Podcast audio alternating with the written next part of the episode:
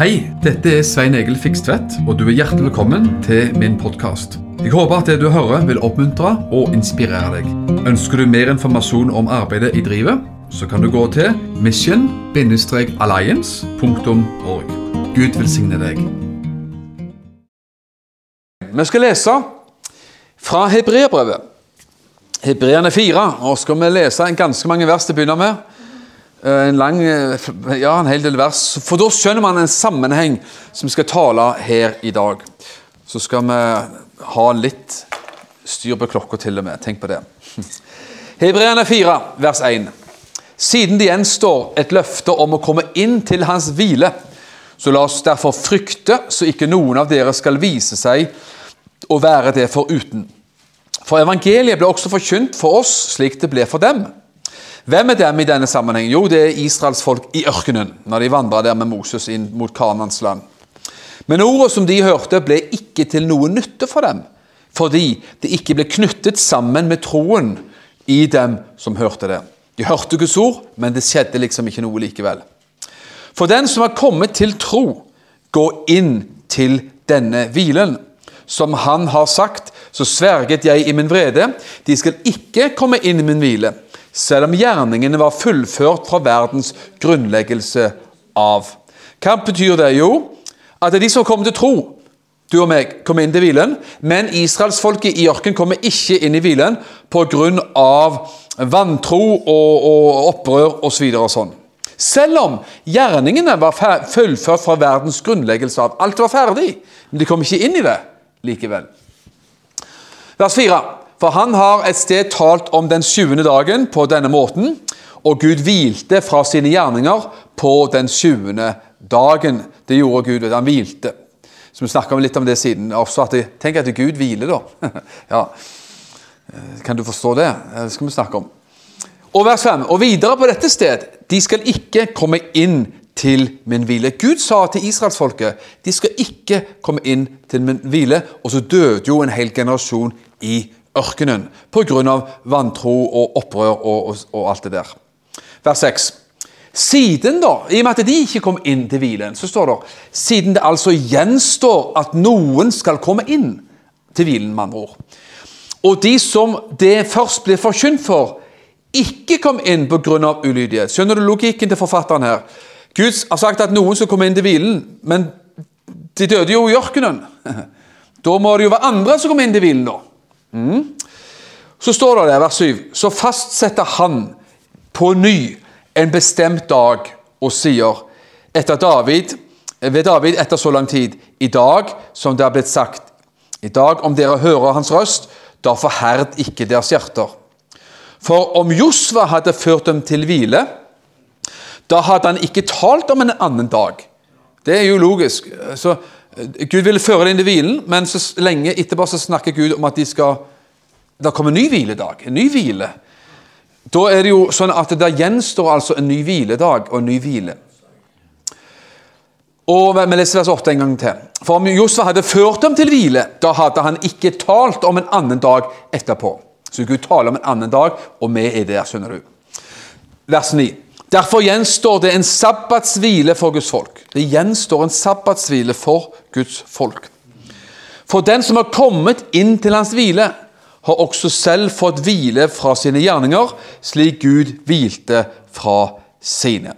Det var ganske mange vers, og jeg håper du fikk liksom med sammenhengen i rimelig stor grad. Her står det om at Gud vet du, står mye om hvile her. Gud liker hvile. Gud har sans for hvile. Skal du få noe her? Vi skal lese det som allerede har sitert. Det blir en litt sånn lesing i dag, avskriftssteder. Første Mosebok 2, vers 1-2. Det er jo midt i skapelsen, vet du. Eller Gud hadde nettopp skapt skapelsen, dyr og himmel og hav og jord og menneske til slutt. Så står det i første Mosebok 2, vers 1. Slik ble, når Det konkluderes med skapelsen, så står det slik ble himmelen og jorden og hele dets hær fullført. På den sjuende dagen fullendte Gud sitt verk, det han hadde gjort, og på den sjuende dagen hvilte han fra hele sitt verk, det han hadde gjort. Det er herlig. Altså, Gud, han, han hvilte. Trenger Gud hvile, da? Nei, ikke på vår Jo, han, han hvilte. Men blir Gud sliten? Neppe det. Eh, se, han sover ikke og slumrer ikke, Israels vokter. Så han er, han er våken. Priser Gud dag og natt. Så nå, akkurat nå vet du, det er godt for oss. Herren er på kveldsvakt her i dag. Halleluja. Så han er med. Han er her midt iblant oss. Og Jesajas 40 sier, bare for å få det med også han, Jesajas 40, vers 28, der står det Skaperen av jordens ender blir ikke trett. Amen. Han blir ikke utslitt. Hans forstand er uransakelig. Han blir ikke trett. Derfor står det han gir den trette kraft. Og det som ingen krefter har, gir han stor styrke, osv. osv. Og de som venter på Herren, får ny kraft, står det her. Så Gud blir ikke trøtt, men Gud hvilte likevel. Gud var liksom bare slapp tak i det han hadde gjort, og sa nå, nå er det gjort. Nå er det fullført. Jobben er gjort. Halleluja. Og kanskje han liksom bare gjorde sånn og tørka seg litt på hendene. Jeg vet ikke. Det får man jo bare lure på og fantasere oss til. Men Gud hvilte fra sine gjerninger etter han hadde skapt himmel og jord og menneske. Og det som er interessant, vet du hva det er? Det er at Gud, det Mennesket var det siste Gud skapte. Han skapte jo først eh, mørke og lys og, og, og eh, eh, skapelsen, naturen og dyrene og alt mulig. Så skapte Gud til slutt mennesket i sitt bilde. Og rett etterpå han har skapt mennesket, da hvilte han. Da hvilte han. Og vet du hva det betyr? Er du med på den logikken til Svein Egil her nå? Vi er ferdig med tåkeluren, vet du. Det er noen som liker tog og sånne ting. vet du. Vet du hva? Gud skapte mennesket som den siste som den siste delen av sin skapelse, og så hvilte han. Det må jo bety at den første dagen i et menneskeliv den gangen, da våkna man opp til hvilen. Skjønner du? Første dagen hos mennesket var hvile. Amen. Man starta med hviledagen. Man starta med en hvile. Priser Gud. Ja. Så men, Gud hadde fullført verket og hvilte, og der kom mennesket på banen som nyskapt og fersk rett fra, rett fra bakeriet. Og så var man rett inn i hvilen. Amen. Så det er viktig å skjønne at vi starter livet med hvile. Priser Gud. Og så lever man i hvile. Hva betyr det? Det betyr ikke at man ikke jobber tar tak. Og, det betyr ikke at man er lat. Men det betyr, og det skal vi jo, nå går jeg nesten foran meg sjøl her, men det betyr at det finnes og skal finnes en tilstand av hvile i våre liv. Man kan senke skuldrene, man kan trekke svette og streve. Man kan oppleve det at det kristenlivet det er svetteløst. Priser Gud. Ingen svette i Guds hus. Det er herlig. Det er liksom bare stått på veggen vet du, ved døra. Ingen svette i Guds hus. Amen. Svettefri sone. Hvorfor? Fordi man har funnet hvilen i Gud. Funnet hvilen i Kristus. Det er fantastisk. Og så er det jo sånn at Gud han lover sitt folk. Hva er hvilen? Nå skal vi ta hvilen ned på mange stadier her nå. Nummer én i skapelsen så hvilte Gud. Amen. Og så, hva gjør Gud etterpå? Jo, han lover israelsfolket når de skal inn i landet, så kaller han det for hvile. 5. Mosebok 12, 8 sier, og 9. Dere må ikke gjøre slik som vi gjør her i dag. Det gjør Moses som formaner folket før han skal dø i ørkenen, og folket skal inn i Kanans land. Og Da sier han dere må ikke gjøre slik som vi gjør her i dag, at enhver gjør det som er rett i egne øyne. For ennå har dere ikke kommet inn til hvilen. Amen. Og den arven som Herren din Gud gir deg. Kanans land, Israels land, vil vi si, kaller det i dag, det er hvilens sted. Hvilens land. Det skulle være hvilens sted for Israels folk. Men en hel generasjon døde i ørkenen pga. vantro. Og så var det jo, gikk det veldig opp og ned da, med de som kom inn i landet. Josfa Caleb kom inn. Det var de gode, gamle gubbene som kom inn. Også med en helt ny, fersk generasjon. Og de fikk lov til å innta landet som sådan. Og da vet vi jo det at det kalles med andre ord for hvile. At man kommer inn i Kanans land, så var det hvilen Gud ville at de skulle komme inn i en hvile. Vel, det var kamp i landet, det var strid, det var krig, det var mange eh, ting som skjedde. Og også mye synd og opprør. og eh, Det gikk veldig opp og ned for Israels folk. Men du skulle høre noe som beskriver den hvilen de tidvis levde i i Kanans land. Og da er det nok under Salomon sin tid at det var som aller best. David krigte mye. Så kom eh, Salomo, og der var det tilstander av Da var det gode tilstander i landet. Og Da skal vi gjerne lese litt det, så kan du se det at det, det er en tilstand der av, av fred og av hvile for folket.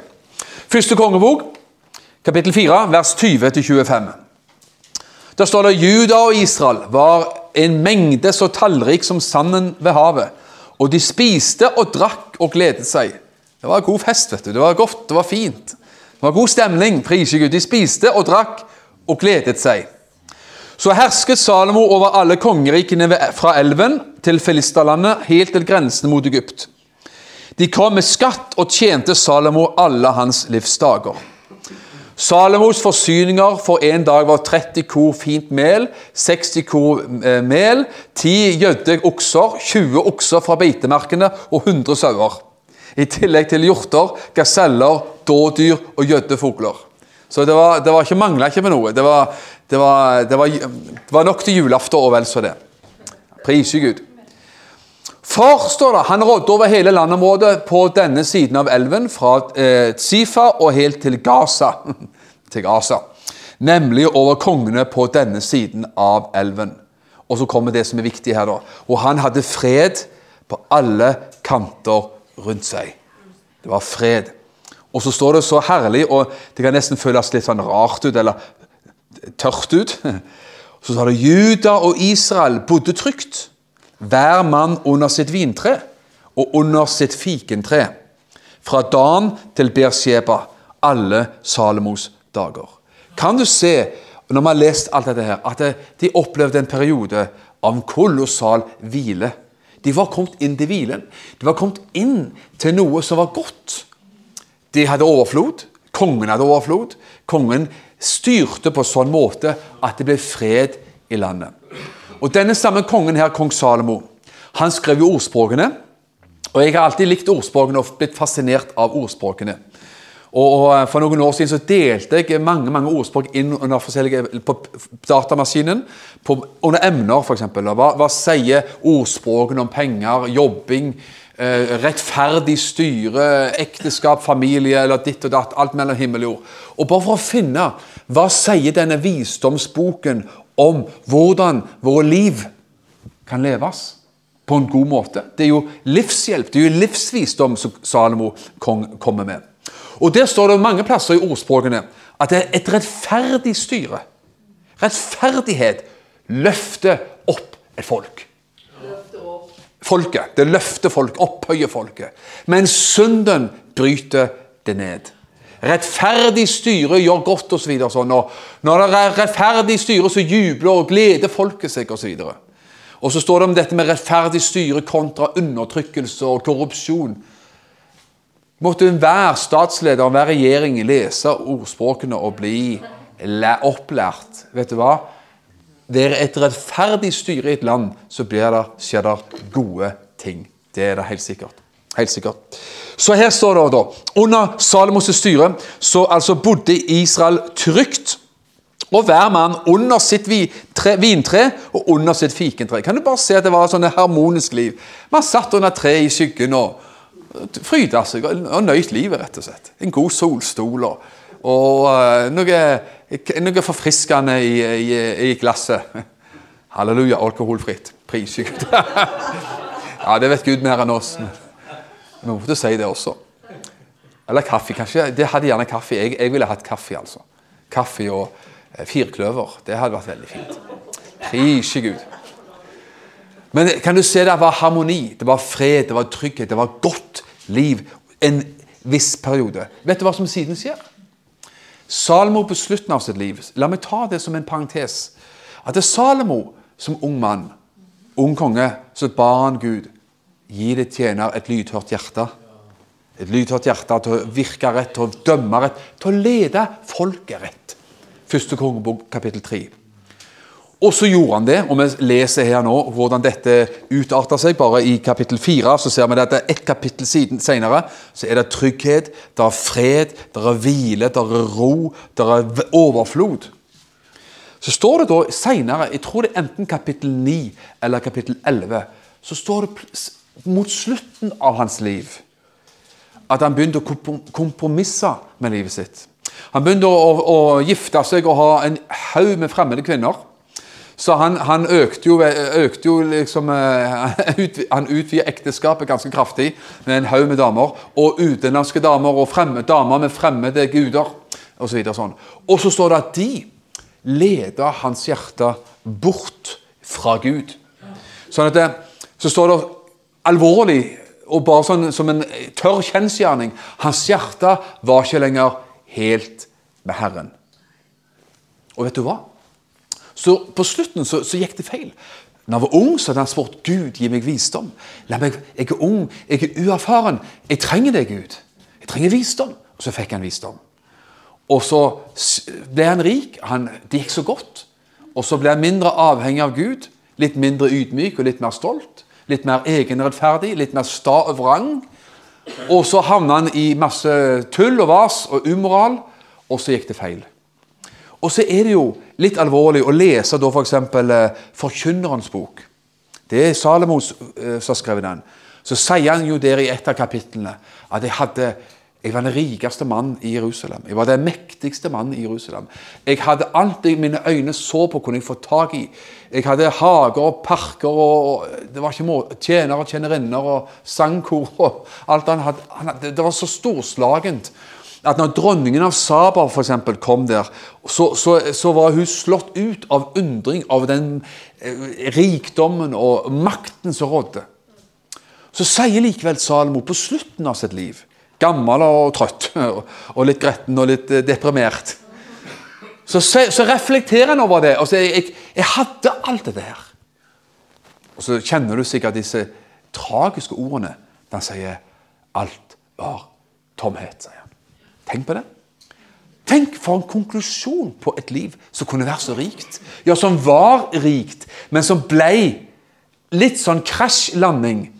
Litt sånn mageplask på slutten. Da han sier at eh, 'jeg hadde jo alt', men nå ser jeg bare at det var tomhet. Han døde liksom med tomhet.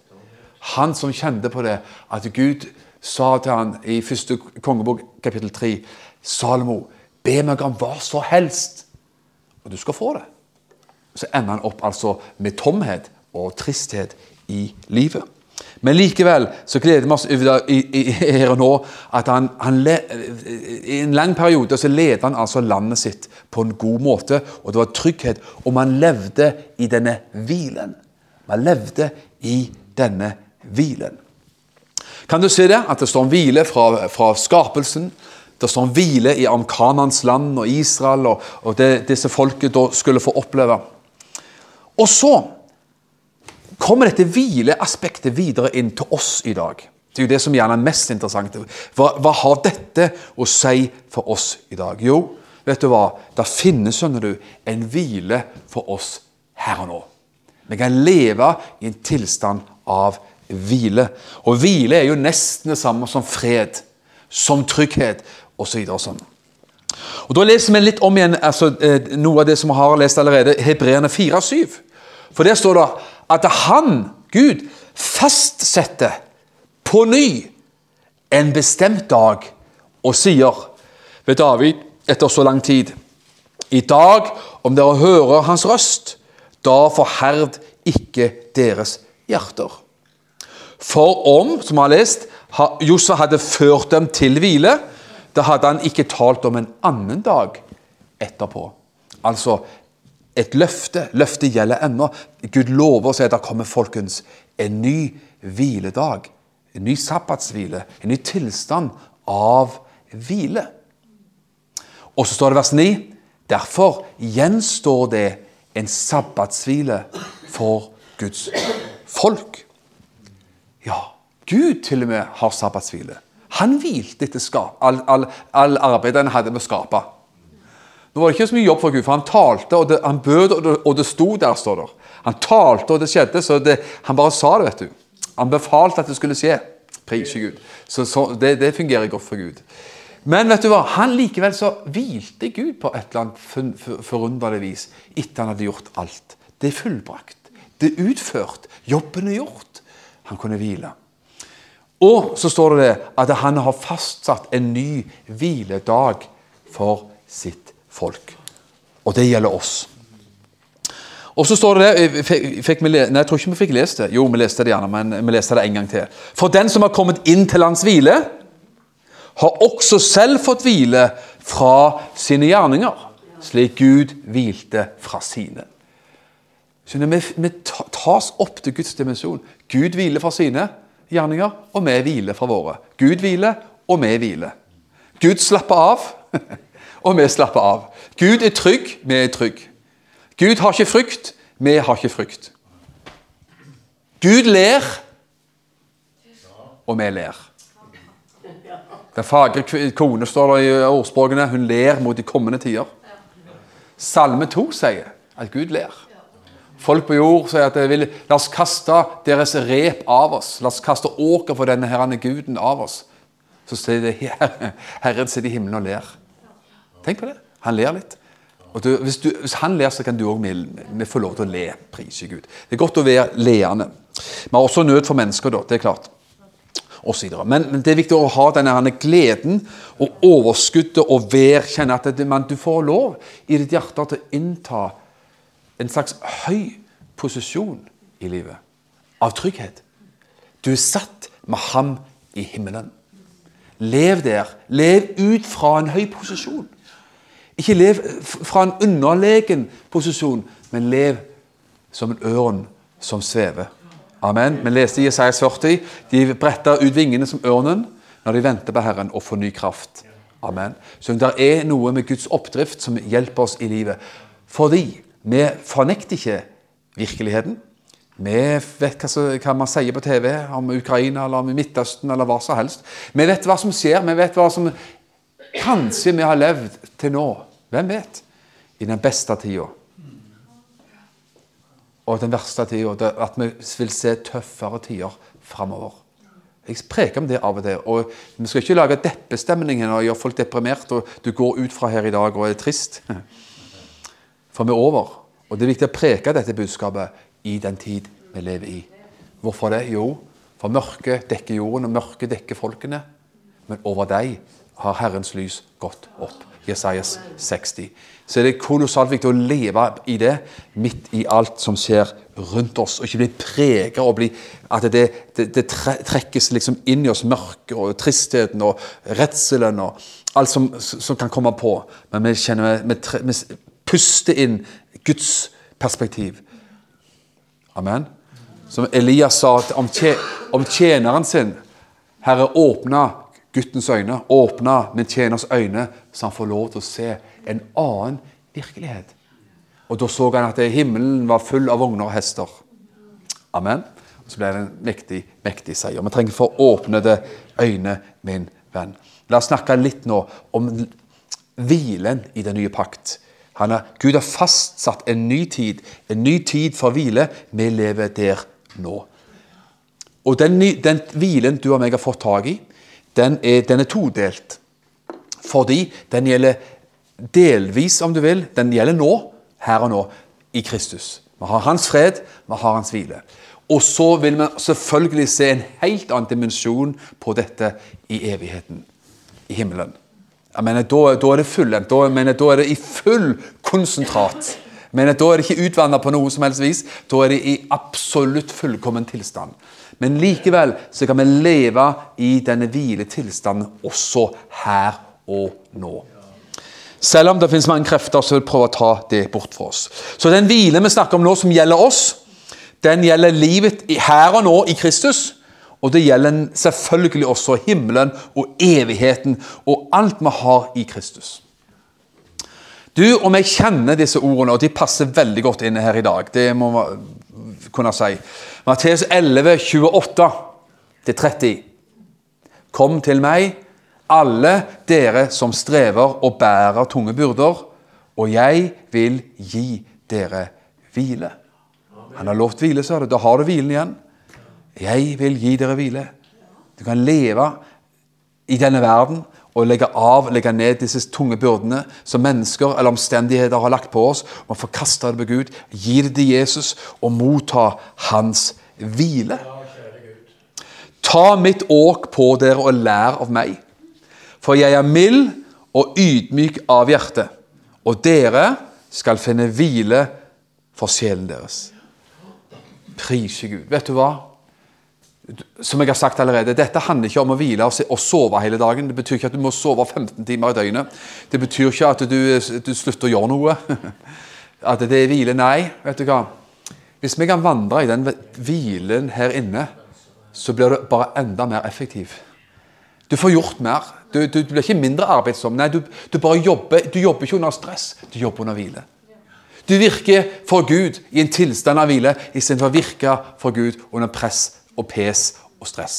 Det er to forskjellige måter å leve livet på. Prise Gud. Så det er ikke mine gjerninger som får fart på Guds nåde, men det er Guds nåde som får fart på mine gjerninger. Er, faktorenes rekkefølge er av aller største betydning. Prise Gud. Vi kan finne hvile for vår sjel. Og Da har jeg lyst til å nevne noen eh, ord her som, som handler litt om dette. her, sånn på forskjellig vis. Den nye fødselen. Sånn alt skjer når man tar imot Jesus. Johannes 1,12.: For så mange som tok imot ham, dem ga han rett til å bli Guds barn. Dem som tror på hans navn. De er ikke født av blod eller kjøtts vilje, heller ikke av manns vilje, men av Gud. Opplegget er å være født av Gud. Du er født av Han som hvilte. Amen. Du er født av Han som hvilte på sabbaten. Du er født av Han som innstifta sabbaten med å slappe av og roe ned og sette seg godt tilbake igjen. Det er Han som bor i våre liv. Et annet herlig uttrykk som handler om dette, her, hva, hva som vi har fått del i som nytestamentlige troende. Vi har fått del i barnekåret. Amen. Roman 8, 15 sier dere fikk ikke trelldommens ånd, så dere skulle igjen bli ført inn i frykt. Kan du se at det er forskjell på frykt og hvile? Amen. Det er ikke lett å hvile hvis du er full av frykt. Nei. Men dere fikk barnekårets ånd. Og i ånden roper vi 'Abba, far'. Skjønner? Ikke trelldom, ikke frykt, men barnekårs ånd. Og vi roper 'Abba, far'. Vi har Hans ånd i oss som hvilte på den syvende dagen. Vi har Guds fred gjennom dette. Kolossene 3,15. Og la Guds fred råde i hjertene deres. Amen. La Guds fred råde i hjertene deres. Den ble det også kalt til i ett legeme å være takknemlige. Altså, vi lar dette leve i oss.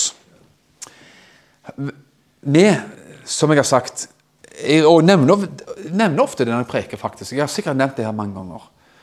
At, eh, og jeg, for jeg liker å følge med. Jeg, jeg, alle av oss er veldig glad i det som har med Israel å gjøre. Og jeg liker å følge med. Hver kveld så les, ser jeg litt på, på internett og på YouTube. I, eh, nyheter fra Midtøsten, nyheter fra Israel og hva som rører seg. og sånt.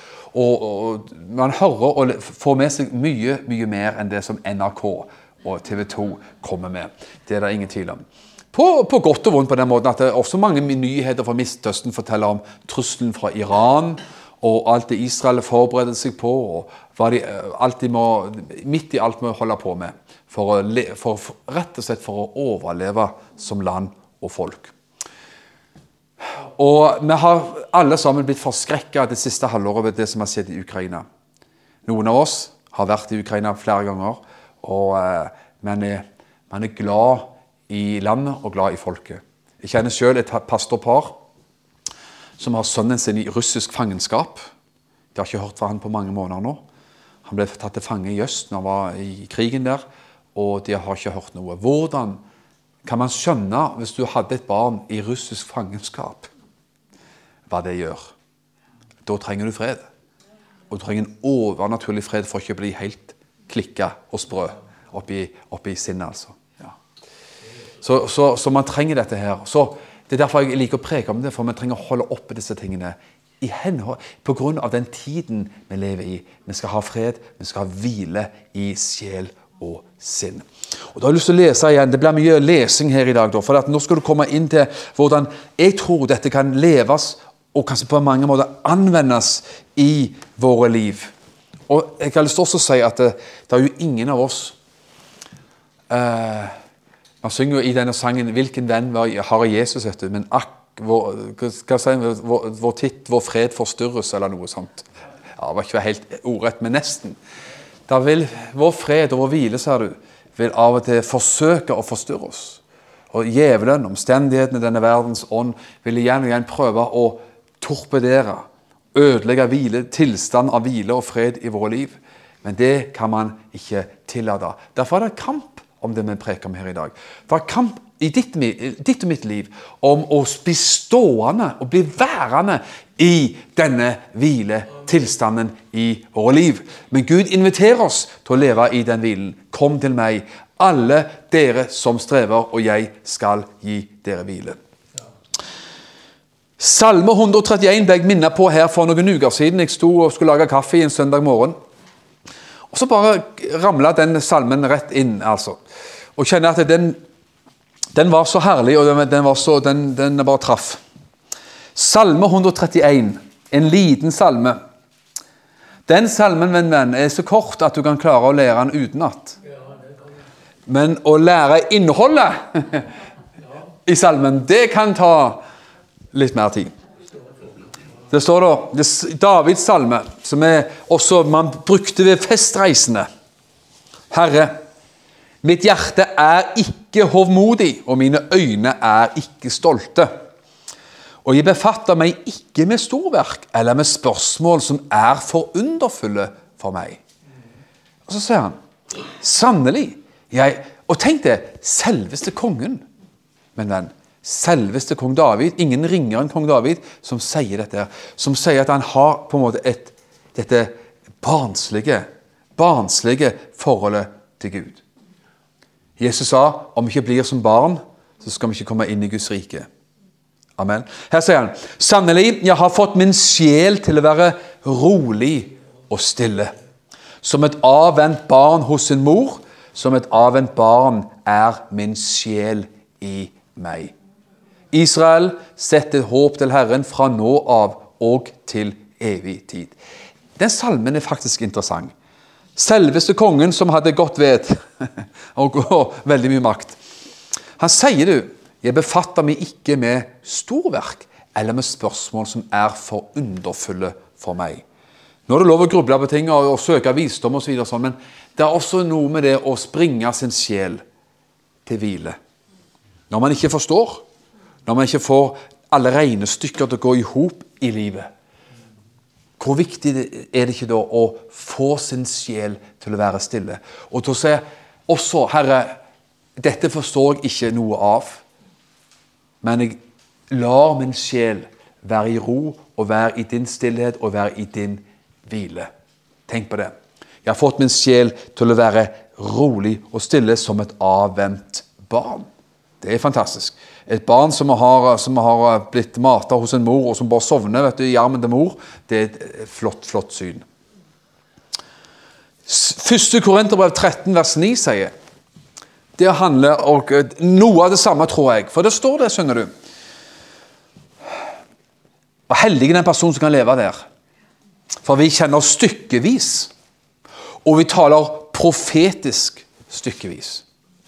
Men når det fullkomne kommer, da skal det som er stykkevis, ta slutt. Så I denne verden Vi profeterer, vi kjenner Guds ord, vi graver Guds ord. Eh, godt å høre Tormod her i dag. Det var så knallbra, altså. Jeg ble, jeg ble veldig glad. Jeg ble glad av å høre på Tormod. Andre som innleder. Det er bra. Men vet du hva? det er noe fantastisk med denne boka her. Du blir aldri ferdig med Bibelen. vet du. ikke det fantastisk? Altså, Du kan lese og lese og lese. Jeg, jeg har lest Bibelen siden jeg var 15 år. Eh, ganske trofast, og spesielt i voksen alder så har jeg lest Jeg lever hele tida i Guds ord. Leser og leser, leser og leser. Og kjøper en ny bibel, og så begynner man på en ny bibel, og så kjører man på med den. Og, og så ser man det igjen og igjen og igjen, at det, det er alltid noe nytt. Alltid noe nytt. Du kommer, du kommer aldri i mål med Bibelen på den måten. For om 30 år, hvis Herren gir meg 30 flere år, og jeg sitter der og leser Bibelen som en 86-åring, så er det ennå noe å se. Ennå noe å forstå. Ennå noe å bli begeistra for. Ennå noe å ikke forstå, om du vil. Ennå noe å bli funder, funderende, fundere over. Ja. Og da tenker man bare dette priser Gud. Jeg forstår ennå som en 86-åring så forstår jeg stykkevis. Selv om jeg forstår mer i dag, for å bruke meg som et eksempel. Jeg forstår kanskje, jeg håper det. Jeg håper jeg forstår mer i dag enn for ti år siden. Hvis ikke så ville det vært ille. Så jeg skjønner jo litt mer. Prise Gud. Kan du tro det? Amen. Takk skal du ha. Men likevel så blir man aldri ferdig med Bibelen. Man kommer aldri i mål. Det, der er alltid noe mer. Og jeg ikke Noen syns det er litt sånn trøttende og strevsomt, men for meg er det deilig og herlig. Det er alltid noe å hente mer i Bibelen, og det er fantastisk. Leser videre her. Vi kjenner stykkevis, og vi taler profetisk stykkevis. Men når det fullkomne kommer, skal, da skal det som er stykkevis, ta slutt. Da jeg var barn, talte jeg som et barn, og jeg forsto som et barn. Nå snakker en om rent naturlig et, et barn forstår mindre enn oss. Det skjønner man jo. En tiåring forstår mindre enn du og meg. Så når jeg var barn, så forsto jeg som et barn, og tenkte som et barn. Men da jeg ble mann, la jeg av det barnslige. Pris Gud. Og det handler om altså og så, Sånn er det i dette livet. Vi som et barn, men vi forstår stykkevis og delt. Men en dag så, så får vi bare forstå enda mer når det fullkomne kommer i Guds fullendte rike. For nå, sier han, ser vi i et speil, i en gåte. Skjønner Vi ser stykkevis og delt, profeterer stykkevis og delt, og skjønner Bibelen stykkevis og delt osv. Men da skal vi se ansikt til ansikt, og det blir annerledes. Er du enig i det? En dag ser vi ansikt til ansikt. Hvem da? Gud. Jesus. Nå kjenner jeg stykkevis, men da skal jeg erkjenne slik som jeg fullt ut også er kjent. Da skal man forstå ordentlig. Og Det tar oss nå videre til neste punkt. her, for Vi lever i Guds hvile nå. Vi har hvile nå. Kom til meg, alle dere som strever, og jeg skal gi dere hvile. Så vi lever der, og vi vil måtte, til og med kjempe for å leve der. Ingen skal få ta fra meg min hvile, min fred og min glede. Amen. Det var godt sagt. Men så må vi ta med, og Det har vi prekt om før noe av, hvert fall, så jeg skal ikke ta mye av det. Jeg skal lande ganske fort, faktisk. Men vi snakker nå, og så, så tar vi neste steg her, venner, inn i evigheten. Evigheten. Himmelen. En ny himmel og ny jord. Og Da står det også noe. Skjønner, da er man i den fullkomne hvilen. Da er, altså, mener, er det, da er det i full konsentrat. Da er det ikke utvanna. Da er det ingen utvanning. Da er det bare, bare hvile og herlighet. Og jeg synes at Det første Johannes brev, kapittel 3, vers 1-3, sier noe fantastisk. Og Kanskje vi skal lande der sånn. Se hvilken kjærlighet Faderen har vist oss. At vi skal kalles Guds barn. Skjønner, Vi har fått barnekår. Vi kalles Guds barn. Vi er Guds barn. Og vi har fått eh, alt det som tilhører et Guds barn. Fred med Gud, hvile hos Gud osv. Og så, så, så, står det Derfor kjenner ikke verden oss. Man er en fremling, vet du. Man er fremmed for denne verden. Man blir sett på som litt rar i mange verdens øyne. En skrulling og en skrue og jeg vet ikke hva. Fordi den ikke har kjent ham. De syns vi er litt rare og forstår seg ikke helt på de kristne, for de har ikke kommet til Jesus og blitt frelst. Og Så sier Johannes, elsker det, sier han. Nå er vi Guds barn det er vi. Her og nå. Vi er Guds barn, og vi er i Guds rike. Og så sier han Men det er ennå ikke åpenbart hva vi skal bli, sier han. Men vi vet at når Han blir åpenbart, skal vi bli ham lik. For vi skal se ham som han er. Skjønner, Nå er vi Guds barn. Så sier Johannes folkens, her og nå er vi Guds barn.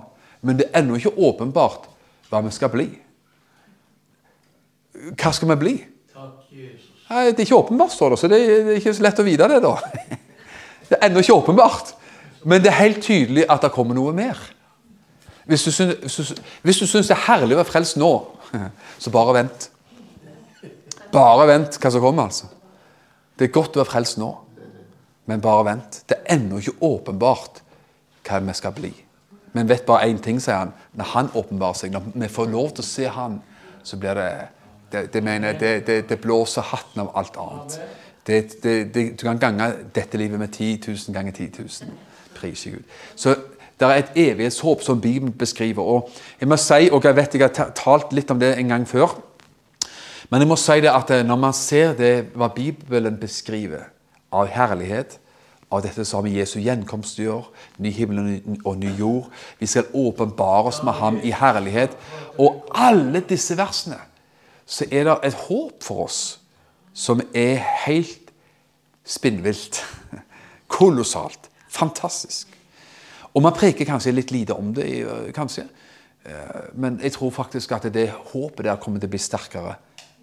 Hvis mørket i denne verden blir mørkere, så vil herlighetshåpet vil, er noe vi kommer til å gripe enda mer enn før. Amen. Og alle av oss vet såpass her vi sitter, sitter eller står og vet at livet her på jord er ganske kort, og årene går veldig, veldig fort. Men evigheten venter på oss. Bibelen beskriver noe eh, at vi, det, vår nye fødsel er en første frukt Roman 8. I Roman 8 og i Jakobs brev kapittel 1 så står det der at vi er førstefrukten. Førstefrukt. Hva betyr det? Førstefrukt det er for å bruke et folkelig uttrykk, det er som en smaksprøve. Har du vært på Obs noen gang og fått sånn smaksprøve i lite plastikkbeger? Joikakaker eller kjøttkaker eller noe, så fikk du sånne plastbeger fra Toro eller stabburet og med plastgaffel, og så spurte de om du ville ha en smaksprøve på noe. Er det bare jeg som har opplevd det, eller du òg? Og Bibelen skriver at det vi har opplevd nå, den nye fødselen og livet i Kristus, det er som en smaksprøve. Det er førstegrøten. Det er førstefrukten. Det, det er smaksprøven, mener. Og det de vil da, når du står, kommer opp og smaker, får et plastikkbeger med litt kjøttkake i, så vil jo de at du skal smake det, så er det fantastisk. Og så vet du det, at to meter rundt neste hylle så får du en svær pakke med lasagne eller med kjøttkake. eller noe sånt. Så vil de at du skal få tak i hele pakken og kjøpe mange, massevis. Og skjønner, Det er det vi har opplevd nå. Vi har opplevd den nye fødsel, det er smaksprøven, det er pantet. Det er førstegrøten av det som kommer siden for oss. Himmelens herlighet. Og det er fantastisk. Men vi kan leve nettopp i denne hvilen. Troens hvile. Her og nå og den forsterkes bare uendelig mye mer oven der i himmelen. Amen. Takk for at du har lytta til denne podkasten. Jeg ønsker deg en velsigna god dag.